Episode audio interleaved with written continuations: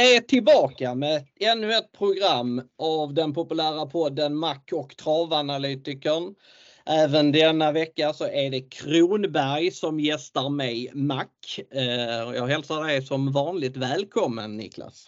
Tack snälla! Det är alltid trevligt att vara här. Och som jag brukar säga, det, det är inte helt lätt att fylla skorna efter travanalytikern som ju är en av de skickligare i, inom, eh, inom eh, spelläggarbranschen om vi säger så. Men eh, jag försöker göra mitt bästa och komma med vissa tankar och sen lyssnar jag på dig precis som alla andra. Okej, okej, okej. Ja, vi har vet, vi var väl inte riktigt rätt på det på nyårsafton, men dagen innan så satte jag faktiskt några system. Det, det är på, på Möllans spel. Eh, jag fick in dubbla V7 då. Och, eh, sen hade du och jag lite succé på eh, eh nyårsdagen på vårt våra gemensamma system där vi, där vi satte båda Malmöpågarna systemen. Eh, sen har det väl flytit på. Eh, jag hade en bra onsdag så att, eh, nej, det känns som att min form är i alla fall, eh, jag ska inte säga senigt för då, då har man inget att, att sträva efter men den är, den är bra i alla fall. Hur är din form Niklas? Ja, min, min, min ligger väl hyfsat stabilt men jag hade ju gärna sett några större vinster. Det, det är inte så att den är jättebra. Men vi, som du sa, vi satte ju dem där. Och vad det gäller dig så måste jag säga att dina spiklösa har ju varit fantastiska på slutet. På sista, sista veckorna så har du ju verkligen levererat på de spiklösa. För du satte väl något innan julafton också tror jag. Så att eh, ja, det, det verkar flyta på bra för dig. Ja, det är mycket trav nu. Man kommer knappt ihåg vilka system man har satt och inte satt. Så det, eh, V4 har de öppnat upp på, på som eh, eh, att man kan lägga på, på, på ombudet numera också. Där eh, försöker man ju vara med för eh, kundernas bästa. Att man, man alltid har någon, någonting de kan köpa in sig på. Så att, eh, det är mycket nu. Det känns som att eh, en semester i vår hade jag haft, kunnat se fram emot. Men eh, jag är fortfarande taggad så att eh, omgång, veckans V75-omgång den eh, har jag i alla fall läst på ordentligt. Är du också påläst i lördagen? Jag är lagom påläst så här långt som jag brukar säga. Jag är precis där jag ska vara ungefär innan lördagen. För sen eh, räknar jag med att jag eh, går igenom lite extra ikväll och sen det sista finslipandet kör jag på morgonen tidigt och sen brukar jag lägga upp mina system hyfsat snabbt. Eh, just på grund av att jag, jag vill bli klar. Och när jag har, känner att nu är jag färdig ja, då, då vill jag inte göra några för mycket ändringar utan då handlar det mest om om det skulle tillkomma någonting intressant i värmningsväg eh, så, så får jag ta det därifrån så att säga. Men eh, nej, det, det, sista finslipningen är kvar såklart. Men eh, jag har ju mina klara tankar i varje fall. Ja, så är det väl för mig också. Är, man är ju inte, man är inte hundraprocentigt färdig. Man får läsa på lite ikväll också. Så att, men jag känner mig ändå bättre på, bättre på det eh, denna fredagen än vad jag har gjort eh, några fredagar tillbaka i alla fall. Eh, men vi börjar väl direkt. V751. Ja. Eh, bronsdivisionen 2140 Auto och omgångens största favorit kommer direkt i form av 5 Santis Hilton. Jag trodde ju han skulle vara mer missgynnad än vad han har visat sig vara med eh, skorna på. Jag tyckte att han var klart bäst i skor med bike och eh, eh, barfota runt om. Eh, men han har funkat oväntat bra med skor. Det var ett lysande intryck på honom senast. Då kom han eh, inte till ledningen eh, och fastnade sen med rubbet sparat bakom en kall ledare sista biten. Så att eh, det var ett väldigt bra intryck ändå lite sådär, ja han gick i mål med rubbet sparat. Det sa inte så mycket för ledaren tvärdog verkligen sista biten. Så att eh, det var många hästar som satt fast i loppet, bland annat sju Declan, Eh, Eh, det var andra hästar också som satt fast med krafter kvar. Så det var ett lite sådär sitta fast-lopp. Nu är det ju så, han är startsnabb. Jag tror att det är bra med honom att ha spår 5 bakom bilen. Lite, lite minus att eh, det är Mats E. Djuse på honom istället för Magnus Djuse. Inget ont om Mats men Magnus han kan den här hästen utan och innan. Det ska tilläggas att Mats har vunnit med honom förut men de senaste gångerna han har kört Santi Silton har det inte gått riktigt lika bra. Eh, och sen finns där ett litet orosmoln och det är nummer 4 Västerbo I'm the man som har spår sida sida och är en extrem spetshäst. Jag kollade på honom från start. Han är lite ojämn första biten men han är ändå ganska jobbig att ta sig förbi. Jag tror att han kan bli jobbig att ta sig förbi sida vid sida. Jag läste något tips där de trodde att man skulle släppa med Västerbo I'm the man trots att han hade 5 av 5 i spets i Sverige. Eh, den korrekta statistiken på honom är faktiskt att han har 9 av 9 spets. Han har eh, vunnit ett Montelopp från ledningen också. Sen har han vunnit tre lopp på eh, Mariehamn från spets också. Så 9 av 9 från spets har Västerbo I'm the man. Så att Johannes släpper med honom, det tror inte jag. Om han nu lyckas hålla upp Santi Silton. Jag håller det som favorit att Santi Silton ska ta sig förbi men det är inte givet på något sätt att han gör det. Sen dessutom så är Lugauers eh, Declan väldigt startsnabb också. Han kan ju öppna betydligt bättre än vad han visade förra gången till exempel. Så att eh, så säker spets på favoriten som många vill ha det till tycker inte jag att det är. Och kommer han inte till spets, ja då försämras segerchansen drastiskt. Han vann visserligen bakifrån näst senast, vilket var överraskande för mig, men han har ju betydligt större chans att vinna loppet från spets. Ja, vad ska man då gardera med om man inte spikar Santis Hilton? Jag vill ha sagt att jag har honom första häst, jag har honom till och med ensam A-häst. Eh, men han är ingen huvudspik för mig som det känns i nuläget. Jag tycker att eh, Declan som också är klar andrahandsfavorit är klart värst emot. Eh, dels om man skulle komma förbi och komma till spets eller om man får ett bra lopp så är han i väldigt, väldigt bra form. Han satt också fast i det nämnda loppet som Santis Hilton satt fast i. Gången innan reparerade han startgalopp på bästa sätt och han var väldigt bra när han vann i Eskilstuna då efter segerreceptet spets och släpp. Eh, annars så är det svårt. Det är ganska jämnt där bakom tycker jag. Jag tycker de två höjer sig kapacitetsmässigt över mängden. Ska jag nämna någon så är det Babsans Bankir. Den går jämnt och säkert. Erik Adielsson upp för första gången.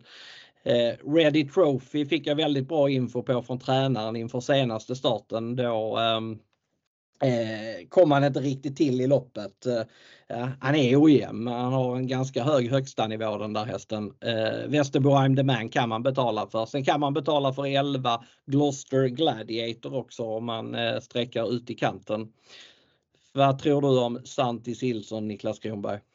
Jag tror den ska ha en bra möjlighet men eh, den, den blir ju stor favorit. Samtidigt så är det ju så att många vågar inte spika i första avdelningen på grund av att de är rädda för att trilla av. Så att, hade det varit en avdelning någonstans mitt i så tror jag den hade varit ännu större favorit om vi uttrycker så. Men eh, det är klart att det ska vara en bra möjlighet. Jag kommer att spika den på någonting. Men jag vill också ha sagt och nämna två hästar emot. Du nämnde dem själv men jag kan också nämna upp dem. Babsams Bankir som jag tycker är jätteintressant med Erik i sulkin. Och nummer 7 Declan som jag tycker har sett väldigt fin ut på slutet. Och såg också ut att ha en hel del krafter kvar senast när den gick över mål. Så att eh, de två i första hand emot om man garderar loppet. Mm. Är vi klara där? Det tycker jag. Ja, och då hoppar vi raskt vidare till avdelning 2.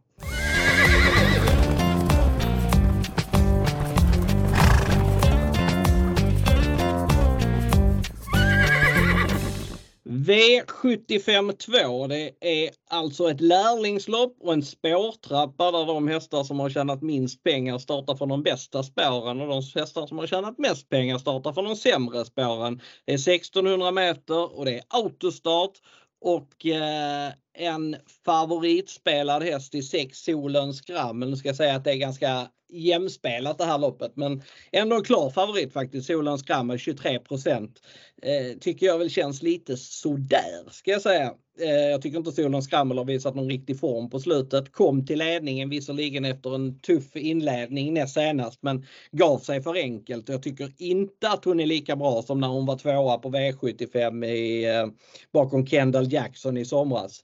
Eh, nu är det bjänkarvagn, det kan man tycka är intressant. Eh, jag är väl lite skeptisk till det också. Hon har gått i enkarvagn tre gånger. Dels det där loppet då hon var tvåa bakom Kendall Jackson. Då var hon väldigt bra. Då gav biken väldigt bra effekt. Men det har också blivit två galopper. Ena gången kort efter start och andra gången direkt. Så att Eh, Eh, det är inte givet att hon travar om hon eh, behöver laddas iväg och det kommer hon behöva så här också eftersom det finns startsnabba hästar innanför. Och ska Solens Skrammel ha chans att vinna detta loppet, ja då måste hon helt enkelt komma till spets. Så jag tycker att det här är en ganska sval favorit och jag har den definitivt inte rankad bland, bland mina främsta hästar. Här tycker jag att det är rätt så given, givet att eh, Eh, säga att, eh, vem, vem man tror på och det är nummer 9 Nassel M som jag tycker är en riktigt, riktigt bra häst i grund och botten. Han inledde sin karriär hos Svante Båt, eh, vann tre av sina första fyra lopp och var tvåa i det fjärde. Sen har han alltså gjort eh, 19 start, eller 18 starter utan att vinna lopp. Han har gjort många starter nu hos eh, Jörgen Westholm, är segerlös i den regin. Men eh, han har ändå glimtat till ibland och man har tänkt att nu är han äntligen på gång. Och jag fick den känslan efter loppet senast också. Han var visserligen bara åtta i det loppet. Men eh, Westholm han la järnet på bortre långsidan, gick i 10 fart i 400-500 meter där innan det blev soppatorsk. Nu tycker jag att han möter väldigt mycket enklare hästar än vad han är van vid att göra. Jag tycker inte att läget är helt fel. Han har eh, spår 9, sitter i andra spår direkt. Det finns många startsnabba på den, eh, i det främre ledet bakom startbilen. Jag tror det blir bra tempo. Jag tycker Viktor S Sundgren han kör eh, en lovande och bra kusk. Jag tycker Nasselhem faktiskt till och med har högst segerchans i loppet och han är bara spelad på knappa 6% så att vem som är första häst i det här loppet är för mig helt givet i alla fall. Bakom favoriten så tycker jag att det är väldigt, väldigt jämnt. Jag har inte gjort min ranking till loppet än eh, och jag vill egentligen inte framhålla något före någon annan. Jag kan säga att Miss 7 Mr Birkenstock har väldigt bra form. 4 Mr Karaoke, det är min spetsfavorit i loppet och den ska räknas tack vare det. Sen tror jag att 11 Barbaris är på väg in i en formtopp igen. Och det är dessutom jänkarvagn nu för första gången på ett tag och det har gett bra effekt tidigare. Men Eh, Eh, vem jag rankar bakom Nasselem det är ännu skrivet lite i stjärnorna för min del. Vad tror du om Nasselem? Är det en, eh, en idé för din del också? Den är andra häst för mig. Det, det, jag tror att den har en eh, vettig möjlighet. Den går ju ner lite i klass som jag ser det och är intressant. Men jag är, du nämnde faktiskt mitt roliga drag i loppet här. Nummer 11 Barbaris som jag tycker är jätteintressant med jänkarvagn. Carl Philip Lindblom tycker jag är en av de bättre lärlingarna. Och eh, den har faktiskt vunnit två av de sista tre på kort distans. Eh, så att jag tycker att den är klart intressant och den är bara sträckad på 3% så att eh, ja, det är den jag faktiskt förordar här som ett roligt streck i, i omgången. Och eh, ja, jag tycker väl att man ska kunna ta med Solens Krammel också för det är ändå en häst som gör sitt så att säga. Men den är rätt så skarpt sträckad här i, mina ögon. Eh, tittar man därefter så varför inte lyfta en annan häst, eh, nummer nummer 3, och BR, som faktiskt inte är så tokig. Och, ja, det, för mig känns det här som ett lite halvöppet lopp om man inte vågar chansa lite. Mm. Ja, det känns lite som, jag skulle kunna sträcka allihop faktiskt.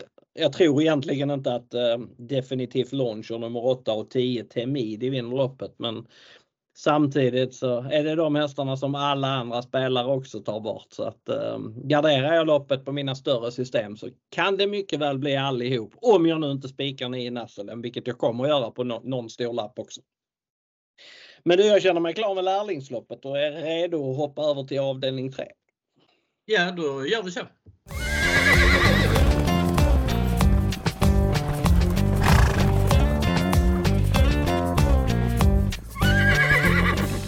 V753, det är lägsta klassen, klass 2. Det är 2140 voltstart och eh, en favoritspelare, klar favorit i 3, Janks Morton.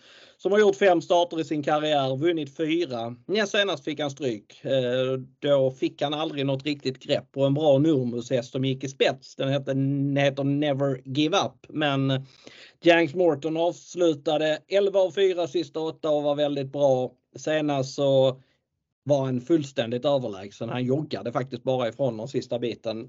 Det här är en eh, väldigt bra häst för klassen och jag tror att han har eh, bra chans att vinna loppet. Därmed inte sagt att jag rankar honom etta för jag har ehm, till skillnad från många andra en eh, spetsfavorit här som, som, ja det är inte så många som har den som spetsfavorit. Jag tror att fyra Bengt kommer till ledningen trots spåret faktiskt. Eh, jag har kollat eh, startsnabbheten på samtliga hästar här. Jag tror att Lamborghini Boko spetsar initialt. Han har visserligen inte haft springspår speciellt många gånger men han är väldigt snabb bakom bilen och den gången han hade springspår tidigt i sin karriär så öppnade han bra och var näst snabbast. Ehm, han körs dock knappast i ledningen även om han har ehm, eh, gått rätt så bra. Eh, jag tror att han släpper till den första betrodda hästen som kommer och jag tror att det är Bengt. Eh, vad gäller finske Papa Rock som alltså startar med fem raka segrar så har han eh, startat mest med eh, bilstart på, på sistone. Mest med bilstart i hela sin karriär faktiskt. Två, gånger, två voltlopp har jag sett. Ena gången så galopperar han och andra gången så var han inte startsnabb. Eh, han har varit snabb bakom bilen men då har det alltså varit eh, eh, bike, eh, vilket har varit de sex senaste starterna. Nu är det vanlig vagn, det tror jag är ett klart minus för honom. Jag är tveksam till om han lyckas vara en snabb springspårshäst och då tror jag att Bengt är snabbare än Janks Morton och är den som är först framme och övertar ledningen. I ledningen har Bengt gått fyra gånger. Det har slutat med lika många segrar. Eh, Oskar E Andersson låter väldigt, väldigt nöjd med hästen inför detta. Han bäsar lite för spåret men eh, han har inte läst på spetsstriden lika bra som jag har gjort. Det kan ni vara säkra på. Jag tror att han kommer till ledningen här som sagt och från spets så har han eh, likvärdig chans som Janks Morton skulle jag säga. Så jag sträcker minst två hästar här men jag kan även tänka mig att gardera loppet vidare. Jag kan tänka mig att betala för Papa Rock men jag tycker att han är för mycket spelad. Han är svår att sätta in i sammanhanget. Han har varit fin vid segrarna. Eh, men eh, som sagt, jag tror att det är ett minus med vanlig vagn. Jag, jag tycker det är betydligt tuffare motstånd. 10 Global Dependable, den tycker jag är väldigt tidig. Eh, satt fast med eh, rubbet sparat senast, eller en hel del sparat senast i alla fall. Gick med rycktussar för första gången då, de brukades aldrig. Eh, så att eh, den växeln finns kvar så att säga. Den är väldigt intressant. Jag tycker även att 11 Egon Vendil är intressant. Han vann direkt efter eh, eh, han har fått två starter efter lite paus och vann eh, senast. Nu är det, startar han tätt. Eh, jag tror att det kan lyfta honom ytterligare. Han matchades rätt tufft som och gick bra bakom bra hästar. Han är bara spelad på 1,57 och han tycker jag är betydligt tidigare än så. Men sträcker man dessa fem så tror jag att man har kommit väldigt långt och normalt sett så tror jag det räcker med två streck. Vad tror du om lägsta klassen Niklas? Ja, vi har samma första häst, men när du började nämna Bengt så förstod jag ju att så var fallet. Eh, jag lyfte ju den redan för tre starter sedan. Då hade den spår 12. Mycket på grund av som en rolig rysare den gången. Och det, då var ju Oskar Andersson lite såklart eh, tillbaka på grund av spåret. Men han, han har ju låtit hela tiden om den här hästen som att den är riktigt, riktigt bra. Och eh, ja, skulle han komma till ledningen så finns det ju inte en chans att han släpper till favoriten i min värld. Utan jag tycker att det är en riktigt bra möjlighet och till de procenten så köper jag ju Bengt eh, flera gånger så att säga. Jags Morton har sett jättefin ut, inget ont om det men eh, nej, trots att det sitter Erik Adielsson i sulkyn så går jag emot den faktiskt. Eh, vill även lyfta en annan häst, nummer 12, Comulus FG, som jag tycker såg jättefin ut senast. Det må vara att det var över lång distans men eh, den vann på ett väldigt bra sätt och jag tror att den, eh, ja, skulle det bli lite körning här eller någonting händer så varför inte sträcka även nummer 12 Comulus FG. Men min första häst är nummer 4, Bengt. Mm. Vad gäller 12 Comulus FG så är det en sån häst som jag har tänkt att den kommer att bli riktigt bra. Men jag vill ändå ha sagt att jag tror att eh, vanlig vagn på den det är ett väldigt stort minus. Han har gått med bikes sex av sina sju senaste starter och har tagit båda sina segrar i just biken. Så att, eh, Eh, jag rankar den sexa men eh, jag hade rankat den högre om den hade fått gå i jänkarvagn, det kan jag säga. Eh, men jag är redo med avdelning 3. Då kör vi vidare.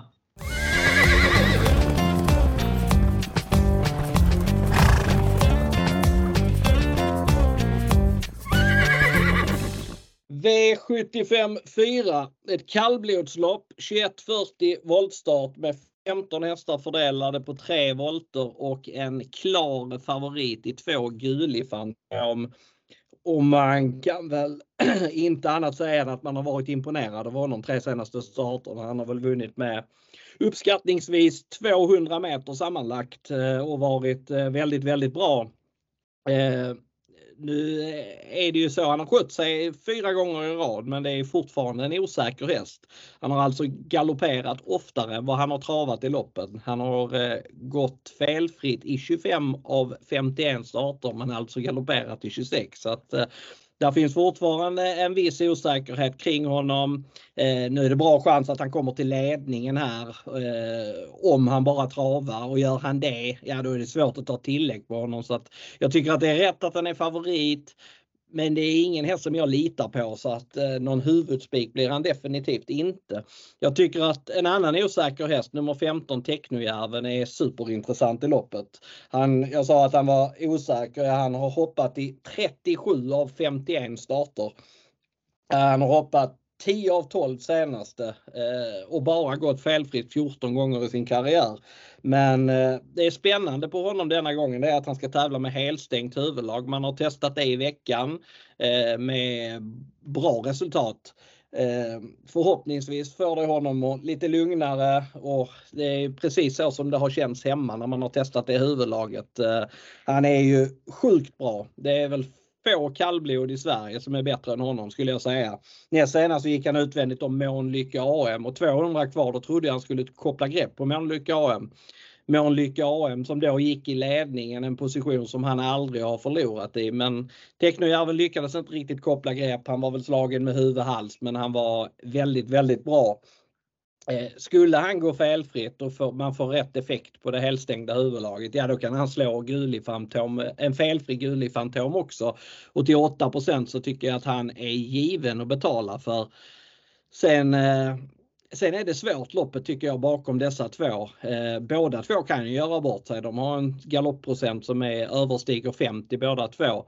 Eh, betrodd bakom är 10 Brännerön. Även där är det klar galopprisk. Jag tänkte att det kunde vara intressant med springspår på honom att eh, han skulle kunna få en snabb start. Men så tittade jag på ett eh, lopp för förra sommaren då han hade precis springspår på tillägg. Han var inte nära att gå iväg felfritt. Han är väldigt osäker i voltstart. Han hoppade även senast i volt så att eh, eh det är nog större chans att han galopperar än att han går iväg från ett sånt läge. 13 såldhöjdens drake, han radar upp bra insatser, vinner dock väldigt sällan.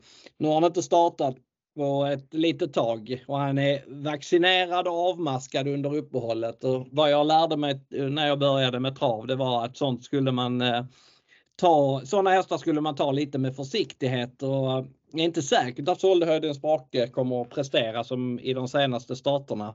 Nej, då tycker jag 3-8 Kolby Kesh är mer intressant. Han startade alltså... Den strök de precis. Den strök de precis. Då, då, då, glömmer vi den helt enkelt. Då vill jag säga tre Rosborken då. Den, den eh, känns mer intressant. Eh, eh, är startsnabb, borde få ryggen på Gulig Fantom. Eh, om nu inte Gulig Fantom felar då kan man testa och, och köra Rosborken i spets istället. Han har gjort två starter i sin nya regi, vann direkt näst senast och gick eh, bra även senast. Så att eh, han är eh, har större chans än vad procenten visar i alla fall.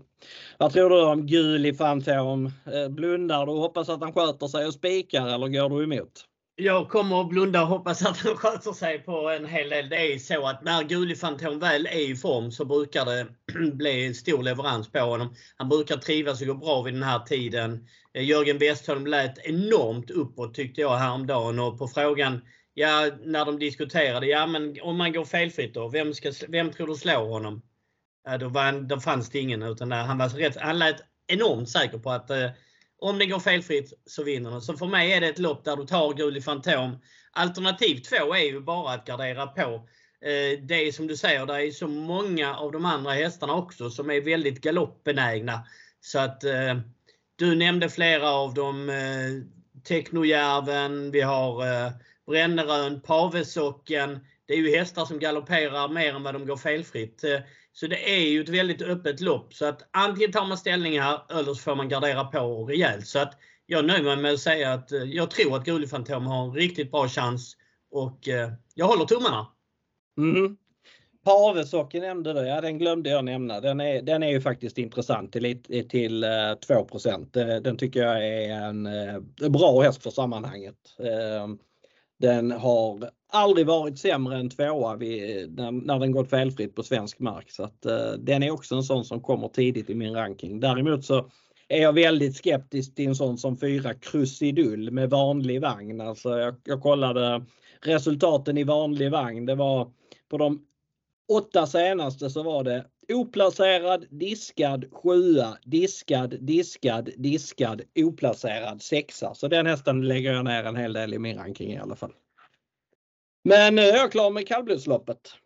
Då tycker jag vi kör vidare för jag var klar tidigt. ja, då gör vi det.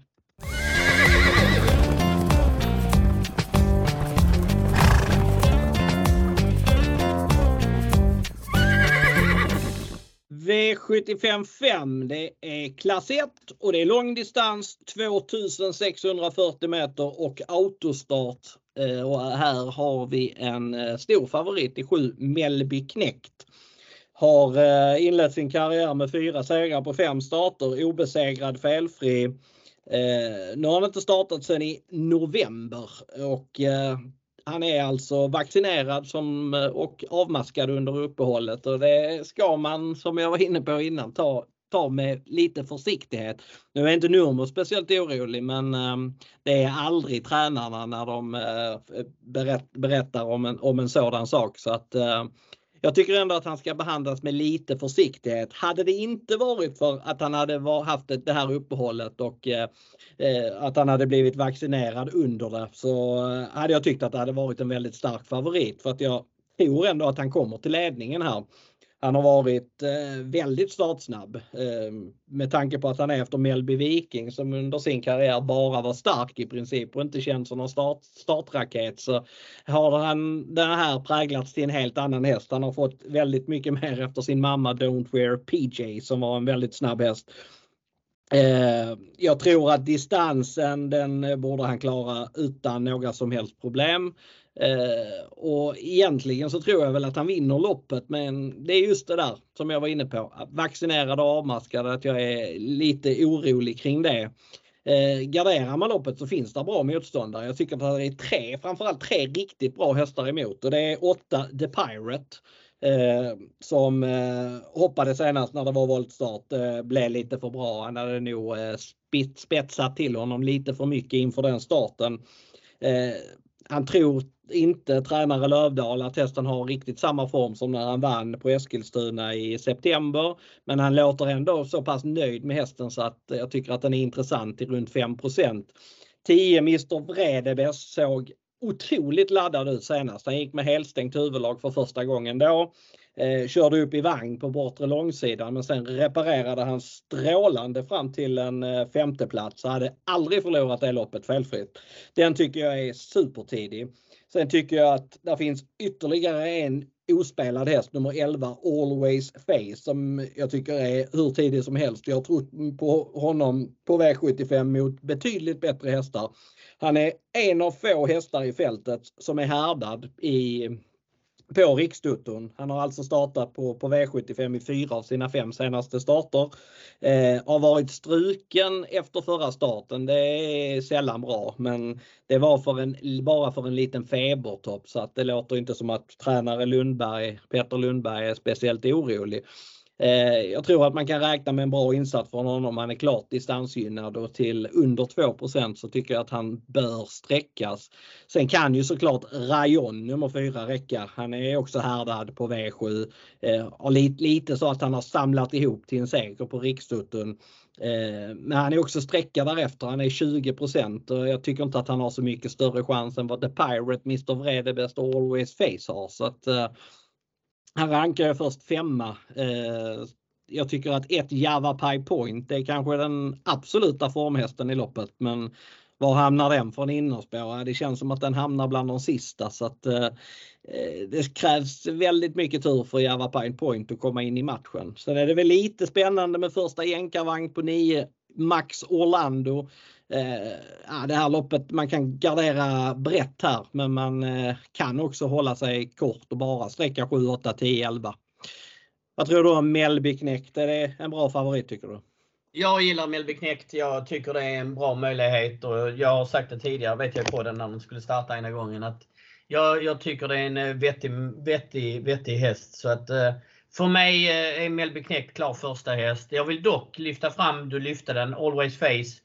Som jag tycker har varit betrodd och som de lyfter fram ett par gånger på V75 och sen har den gjort bort sig. Vi har inte fått se riktigt vad den kan. Nu kommer den att vara totalt bortglömd. Den är sträckad på mindre än 2% just nu. Och eh, Det är ju helt klart ett, ett fynd i loppet om vi säger så. Sen såg jag också Mr Vrede bäst senast. Den såg otroligt läcker ut där. Och, ja, det, det är också ett tidigt streck för mig. Du nämnde det roliga annars i Java Pie Point som är en häst som jag har följt. Men från just innerspåret så kan det bli problem. Sen har ju Nathalie Blom kört väldigt försiktigt med den på slutet tycker jag. Då hon har satt sig invändigt eller hela tiden och, och liksom avslutat väldigt bra. Så att hästens självförtroende är inget fel på för den har avslutat fort över mål.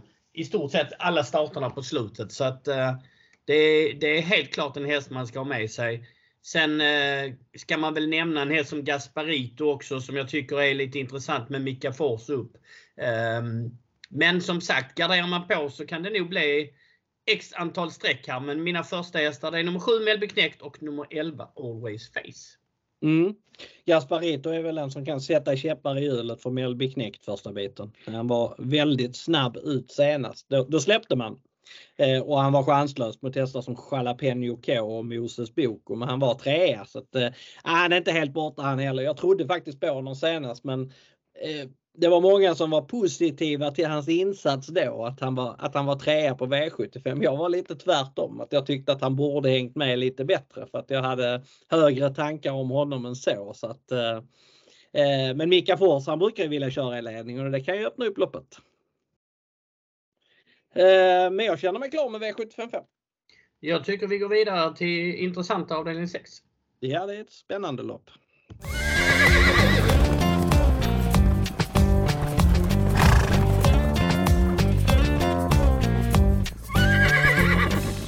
V756, det är diamantstoet, det är 2140 volt, 15 hästar fördelade på två volter. Ja, du sa att det var intressant. Vill du börja kanske?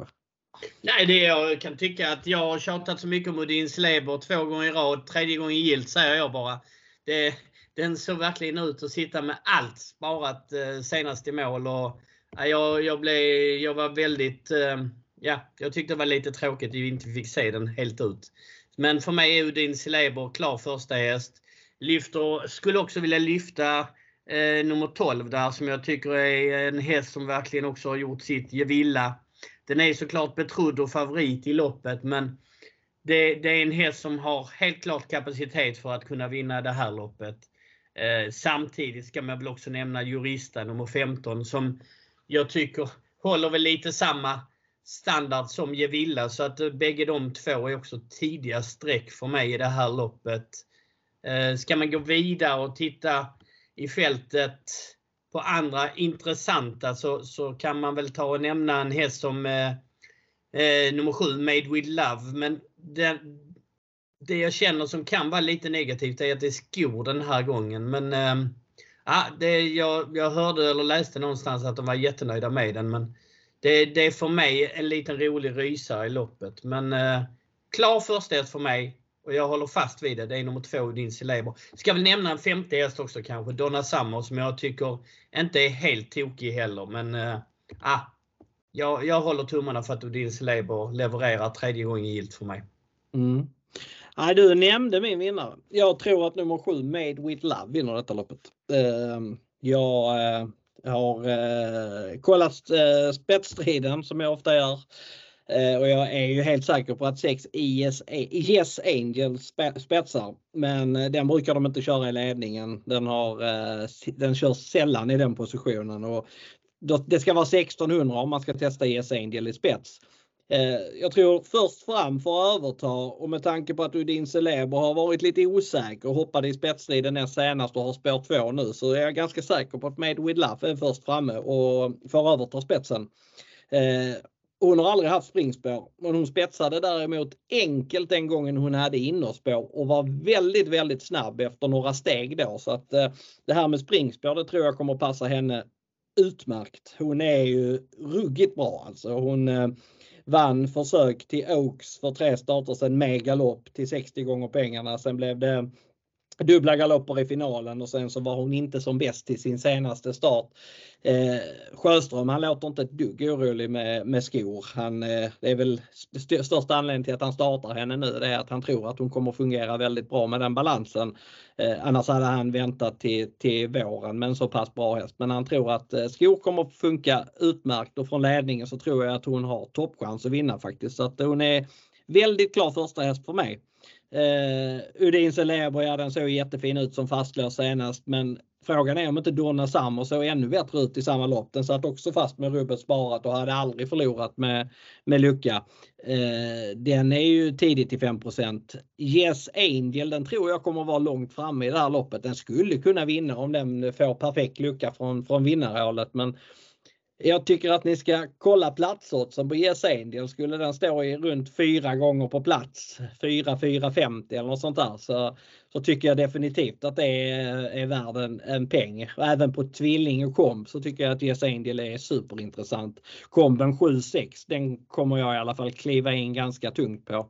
Sen är det en häst som jag tycker eh, står verkligen på tur för att vinna lopp och det är nummer 5 Diamond Sid. Jag såg Eh, guiden har den näst sist i sin ranking. Det är ganska sjukt med tanke på hur eh, hon har gått.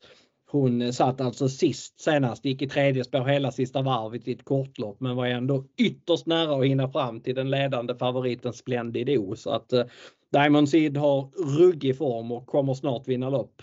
Eh, tre Cigars Eagle Owl eh, kan också vara spännande. Det är också ett spetsbud faktiskt. Eh, jag tycker, håller den som andrahandare och få överta ledningen och skulle den komma till spets, ja då biter den ifrån sig väldigt bra. Den har gått i ledningen två eller fyra eller fem gånger beroende på hur man räknar och den har två eller tre segrar från spets. Så att det, det, den är väldigt spetsgynnad. Eh, jag läste att de hotade med att köra ett Furiosa i spets. Det säger jag bara lycka till till. Jag kollade den i voltstart. Det har varit helt hopplöst att få iväg. Det varit två startgalopper av två möjliga så att uh, den tror jag gör bort sig direkt. Men jag, jag, tror Made with Love vinner loppet och du tror alltså Udin Celeber vinner loppet. Så då har vi kanske ett starkt lås på poddsystemet. Ett väldigt spännande lås då i så fall i ett lopp som kanske kräver mycket gardering annars. Ja. Men nu vi hoppar över till avslutningen.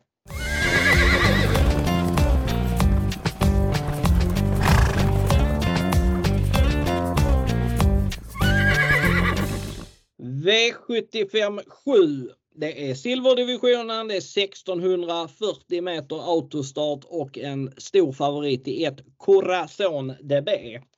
Han hade ju innerspår även i sin senaste start och eh, det var nog många som var, blev smått eh, chockade när han höll ledningen från, från innern då. Han var höll ut en så pass snabb häst som Dominic Vibb.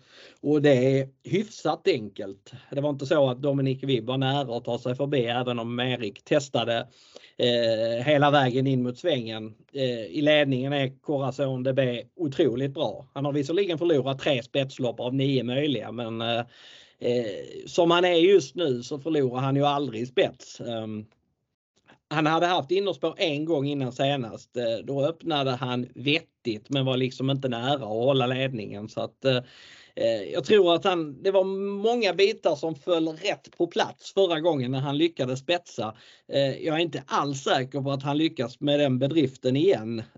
Där är startsnabba hästar utvändigt. Fyra The Real Star är snabb. Men framförallt så är fem Oxidizer väldigt snabb. Jag kollade på honom när de skickade iväg honom från spår 6 någon gång i somras. Han var ju ruskigt snabb alltså.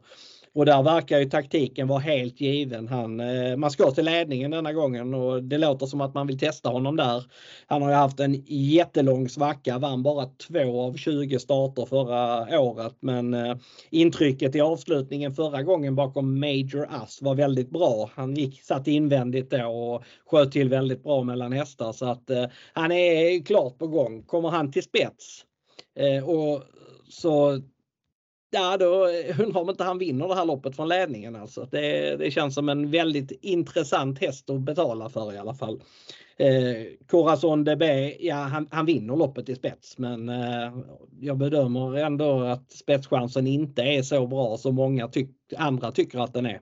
Så därmed så kan jag inte gå på honom till 53 Eh, ska jag nämna några andra hästar i loppet så är det 8 Combat Fighter som faktiskt även han är ett spetsbud eh, trots spår 8 bakom bilen. Det är spännande med Erik Adielsson upp för andra gången. Han körde hästen en gång tidigt i karriären då han var tvåa. Eh, han såg jättebra ut som fastlås i en i V75 final senast. Har gått upp en klass sen dess men det är inte så att man tycker att det är jättemycket tuffare emot. Sen tycker jag att en ytterligare en spel, skräll kan vara spännande. Det har gått lite under radarn den här ändringen på sex Djokovic som alltså är anmäld med jänkarvagn. Eh, jag kollade eh, och såg ganska snabbt att det var första gången på svensk mark som han skulle gå i jänkarvagn. Men sen gick jag in i det finska arkivet och letade starter med, med jänkarvagn och jag hittade ingen start med jänkarvagn där heller. Så att det är debut med bike för sex Djokovic och han var inte så långt efter eh, Corazon DB för näst senast med, med vanlig vagn. Så att eh, nu har han dessutom fått tre lopp i kroppen. Han skulle kunna vara eh, klart förbättrad och till 0,97% så kan jag tycka att han är värd att betala för om du sträcker några stycken. Vad tror du om Corazon DB? Är det en stark favorit för dig Niklas? Inte till de procenten. Det är definitivt inte. Det, jag kommer att gardera sista loppet. Eh, min första häst är nummer 8, Combat Fighter. Jag tror den sitter i spets. Jag har eh, tyckt väldigt synd om Anders Svanstedt det här året med Combat Fighter. Möjligen för att jag själv har tyckt synd om mig själv för jag har tyckt att det var en rolig idé i lite olika sammanhang där han suttit fastlåst. Han har, släppt, han har släppt ledningen ett antal tillfällen och då har det varit en konkurrent som har tröttnat. Och sen eh, så han har fått backa bak i fältet. Det har hänt mer än en gång. Och, nej, han har haft sjuk otur. Har han suttit i spets har det varit någon som har tryckt rejält jag, jag vet att den går upp i klass, men jag tycker ändå att den är klart intressant trots att den har spår 8. Det är en startsnabb häst. Erik Adielsson, startsnabb eh, kusk i sulkin. Jag tycker att den är jätteintressant. Eh, vill också nämna nummer 3, Eske Mistral, som ju Roger Wahlman var väldigt uppåt på senast och pratade om att den aldrig hade känts så fin i träning som den gjorde inför senast. Eh, du nämnde Oxidizer som också är ett tidigt streck för mig. En häst som jag däremot rankar ner lite, mycket på grund av att eh, jag hörde Jörgen Westholm häromdagen, det var att han, han sa själv att den, den, det, det var inget för vinnarspelarna och ah, han bäsade den rätt rejält faktiskt. Så att eh, den är ändå sträckad som fjärde, femte häst just nu och ah, då, den hamnar längre ner på min lista. Däremot tycker jag möjligen att Run and Cola till knappt 2% kan vara lite halvintressant om man börjar gardera på loppet. Mm. Han kommer Corazon de B bort så är det ju ett väldigt dåligt lopp för klassen, det måste man ju säga. Så att, eh, då, då kanske man ska sträcka lite ut i kanten. Eh, jag kanske till och med betalar för en sån som fyra The Real Star. Det är ändå ny regi. Sånt kan ge en liten nytändning. Den har startat i gulddivisionen någon gång den där hästen faktiskt. Varit uppanmäld. Så att, och är väldigt startsnabb. Skulle kunna få ryggledaren. Jag vet att det är superlångsökt att The Real Star ska vinna silver. Men eh, från ryggledaren skulle det faktiskt kunna gå. Den har i alla fall eh, tiderna i kroppen. Men eh, ja, det låter som att du tycker att det finns fler starka favoriter än vad jag tycker eh, det finns i, i omgången. Mm, det, det var väl lite så. Va? Framförallt så skilde vi oss väl där i Mellby knektloppet lite grann. Även om vi hade den som gemensam första så var väl jag lite gladare för den än vad du var kanske. Precis. Och samma med Guli Fantom kanske. Den var du också lite gladare för än vad jag var. Santis Hilsen var du kanske också lite gladare för än vad jag var. Men eh, ja, jag, jag har samtliga dessa som första hästar men eh, jag tycker att procenten är väl tilltagen på alla tre faktiskt. Så att, eh, det var ju lite det jag tycker med Corazon de B, men där är vi ju överens. Så att där kan vi inte säga att det är någonting som du håller i handen heller. Nej. Nej, jag tycker väl inte att det är någon riktigt, riktigt stark favorit. Mina, mina huvudspikar i, i, just nu är faktiskt eh, eh, Nassel M och eh, Made with Love. Så att eh, de två kommer jag gå rätt så hårt på imorgon. Vilka är dina huvudspikar? Mina huvudspikar just nu, eh, jag kan säga så här att jag vill inte helt bestämt mig men jag, jag, är, väldigt, jag är ju glad för Mellby Knekt så att den är, den är en tidig tanke för mig och eh, jag lär hålla fast vid det. Jag, jag, jag tycker inte det känns helt fel att hålla Timo Nummers i handen om jag ska vara helt ärlig. Det roliga draget i omgången, jag vet du nämner Nasselem i samma lopp och det är min andra häst, men jag tycker Barbaris är ja, det roliga draget i omgången. Ett, lärlings, ett lärlingslopp, det vet vi att det ofta kan bli bra tempo. Spårtrappa, det betyder att den står bra inne i loppet. Jag tycker den är klart intressant. Ja. Och sen kanske det blir Bengt. Jag funderade lite på vem ska vi spika på poddsystemet. Men det kanske blir Bengt till avdelning 3. Det känns som att det är den bästa lösningen. Det känns ju väldigt intressant i varje fall och, och det är en häst som är väldigt intressant i omgången. Precis. Vad tror du? Ja, jag, jag, tror nog på betydligt högre utdelning än vad du tror. Jag tror det faktiskt det blir sexsiffrigt för jag tror att en del av de här favoriterna de faller. Den favoriten som jag kanske tycker känns starkast det är väl Santis Hilton i inledningen men eh, jag tror att någon av favoriterna kommer falla och jag tror att det kommer bli sexsiffrigt, eh, det vill säga mer än 100 000. Eh, vad tror du om utdelningen? Jag säger 75 000. 75, ja då lägger du dig lite under. Ja, ja, ja. men det räcker gott och väl. Absolut, det är bara att sätta flera system så blir det miljon, miljoner ändå. Exakt, exakt. Då, då gäller det att haka på bara. Precis. Jag vill puffa lite för vårt eh, poddsystem. Det är på 12 andelar, kostar 300 kronor. Eh, heter någonting typ eh, Mac och travanalytikern podcast. Eh, det är unikt denna veckan så det är först till kvarn som gäller. Eh, annars så har jag inte så mycket mer att tillägga kring omgången. Jag vill tacka dig för att du var med även denna veckan och jag vill tacka alla som har lyssnat på oss denna veckan. Eh, och eh, ja, trevlig helg. Ha det gott! Jag ska bara lägga till en grej. Ja. Det är så att jag hade faktiskt, nu kommer vi in på lite gamla poddar som du, du och Kristoffer, eller du och Travanalytikern har haft. Eh, jag vill lägga en tanke här för jag träffade faktiskt eh, en gammal klasskompis systers man idag av en tillfällighet. En man jag inte träffat tidigare. Men han var tydligen samlare av whisky. Jaha! Ja, ja. ja. Och jag tyckte ju det var superintressant. För jag tänkte det, det kan jag ju nämna i podden om det är något kul. Och jag frågade honom, för jag är väldigt glad för rökig whisky själv. Och då frågade jag honom om det var någonting speciellt han kunde rekommendera. Mm. Och då tyckte han Port Charlotte eh, tydligen eh, som han lyfte fram som eh, en eh, rökig whisky som han verkligen eh, gillade. Så att eh, nej, Port, Char Port Charlotte det var, det var whisky som han verkligen höll fram till mig. Och sen eh, började han prata lite om indiska whisky. Har du, druckit, har du druckit indisk whisky? För det där, uh. han höll fram det som att de har faktiskt väldigt, väldigt bra whisky tyckte han. Okej, okay, okay. det har jag aldrig testat. Nej, jag kände att jag måste ju göra det. Alltså det, mm. det, kändes som, det kändes som ett kall för mig i det läget. Så att, eh, nej, jag, jag får återkomma till dig med det. Men eh, nej, det, det var faktiskt väldigt intressant att höra hans tankar om det. Ja, du får bege dig till bolaget nu, köpa en flaska indiskt och sen eh, så får du recensera den nästa vecka.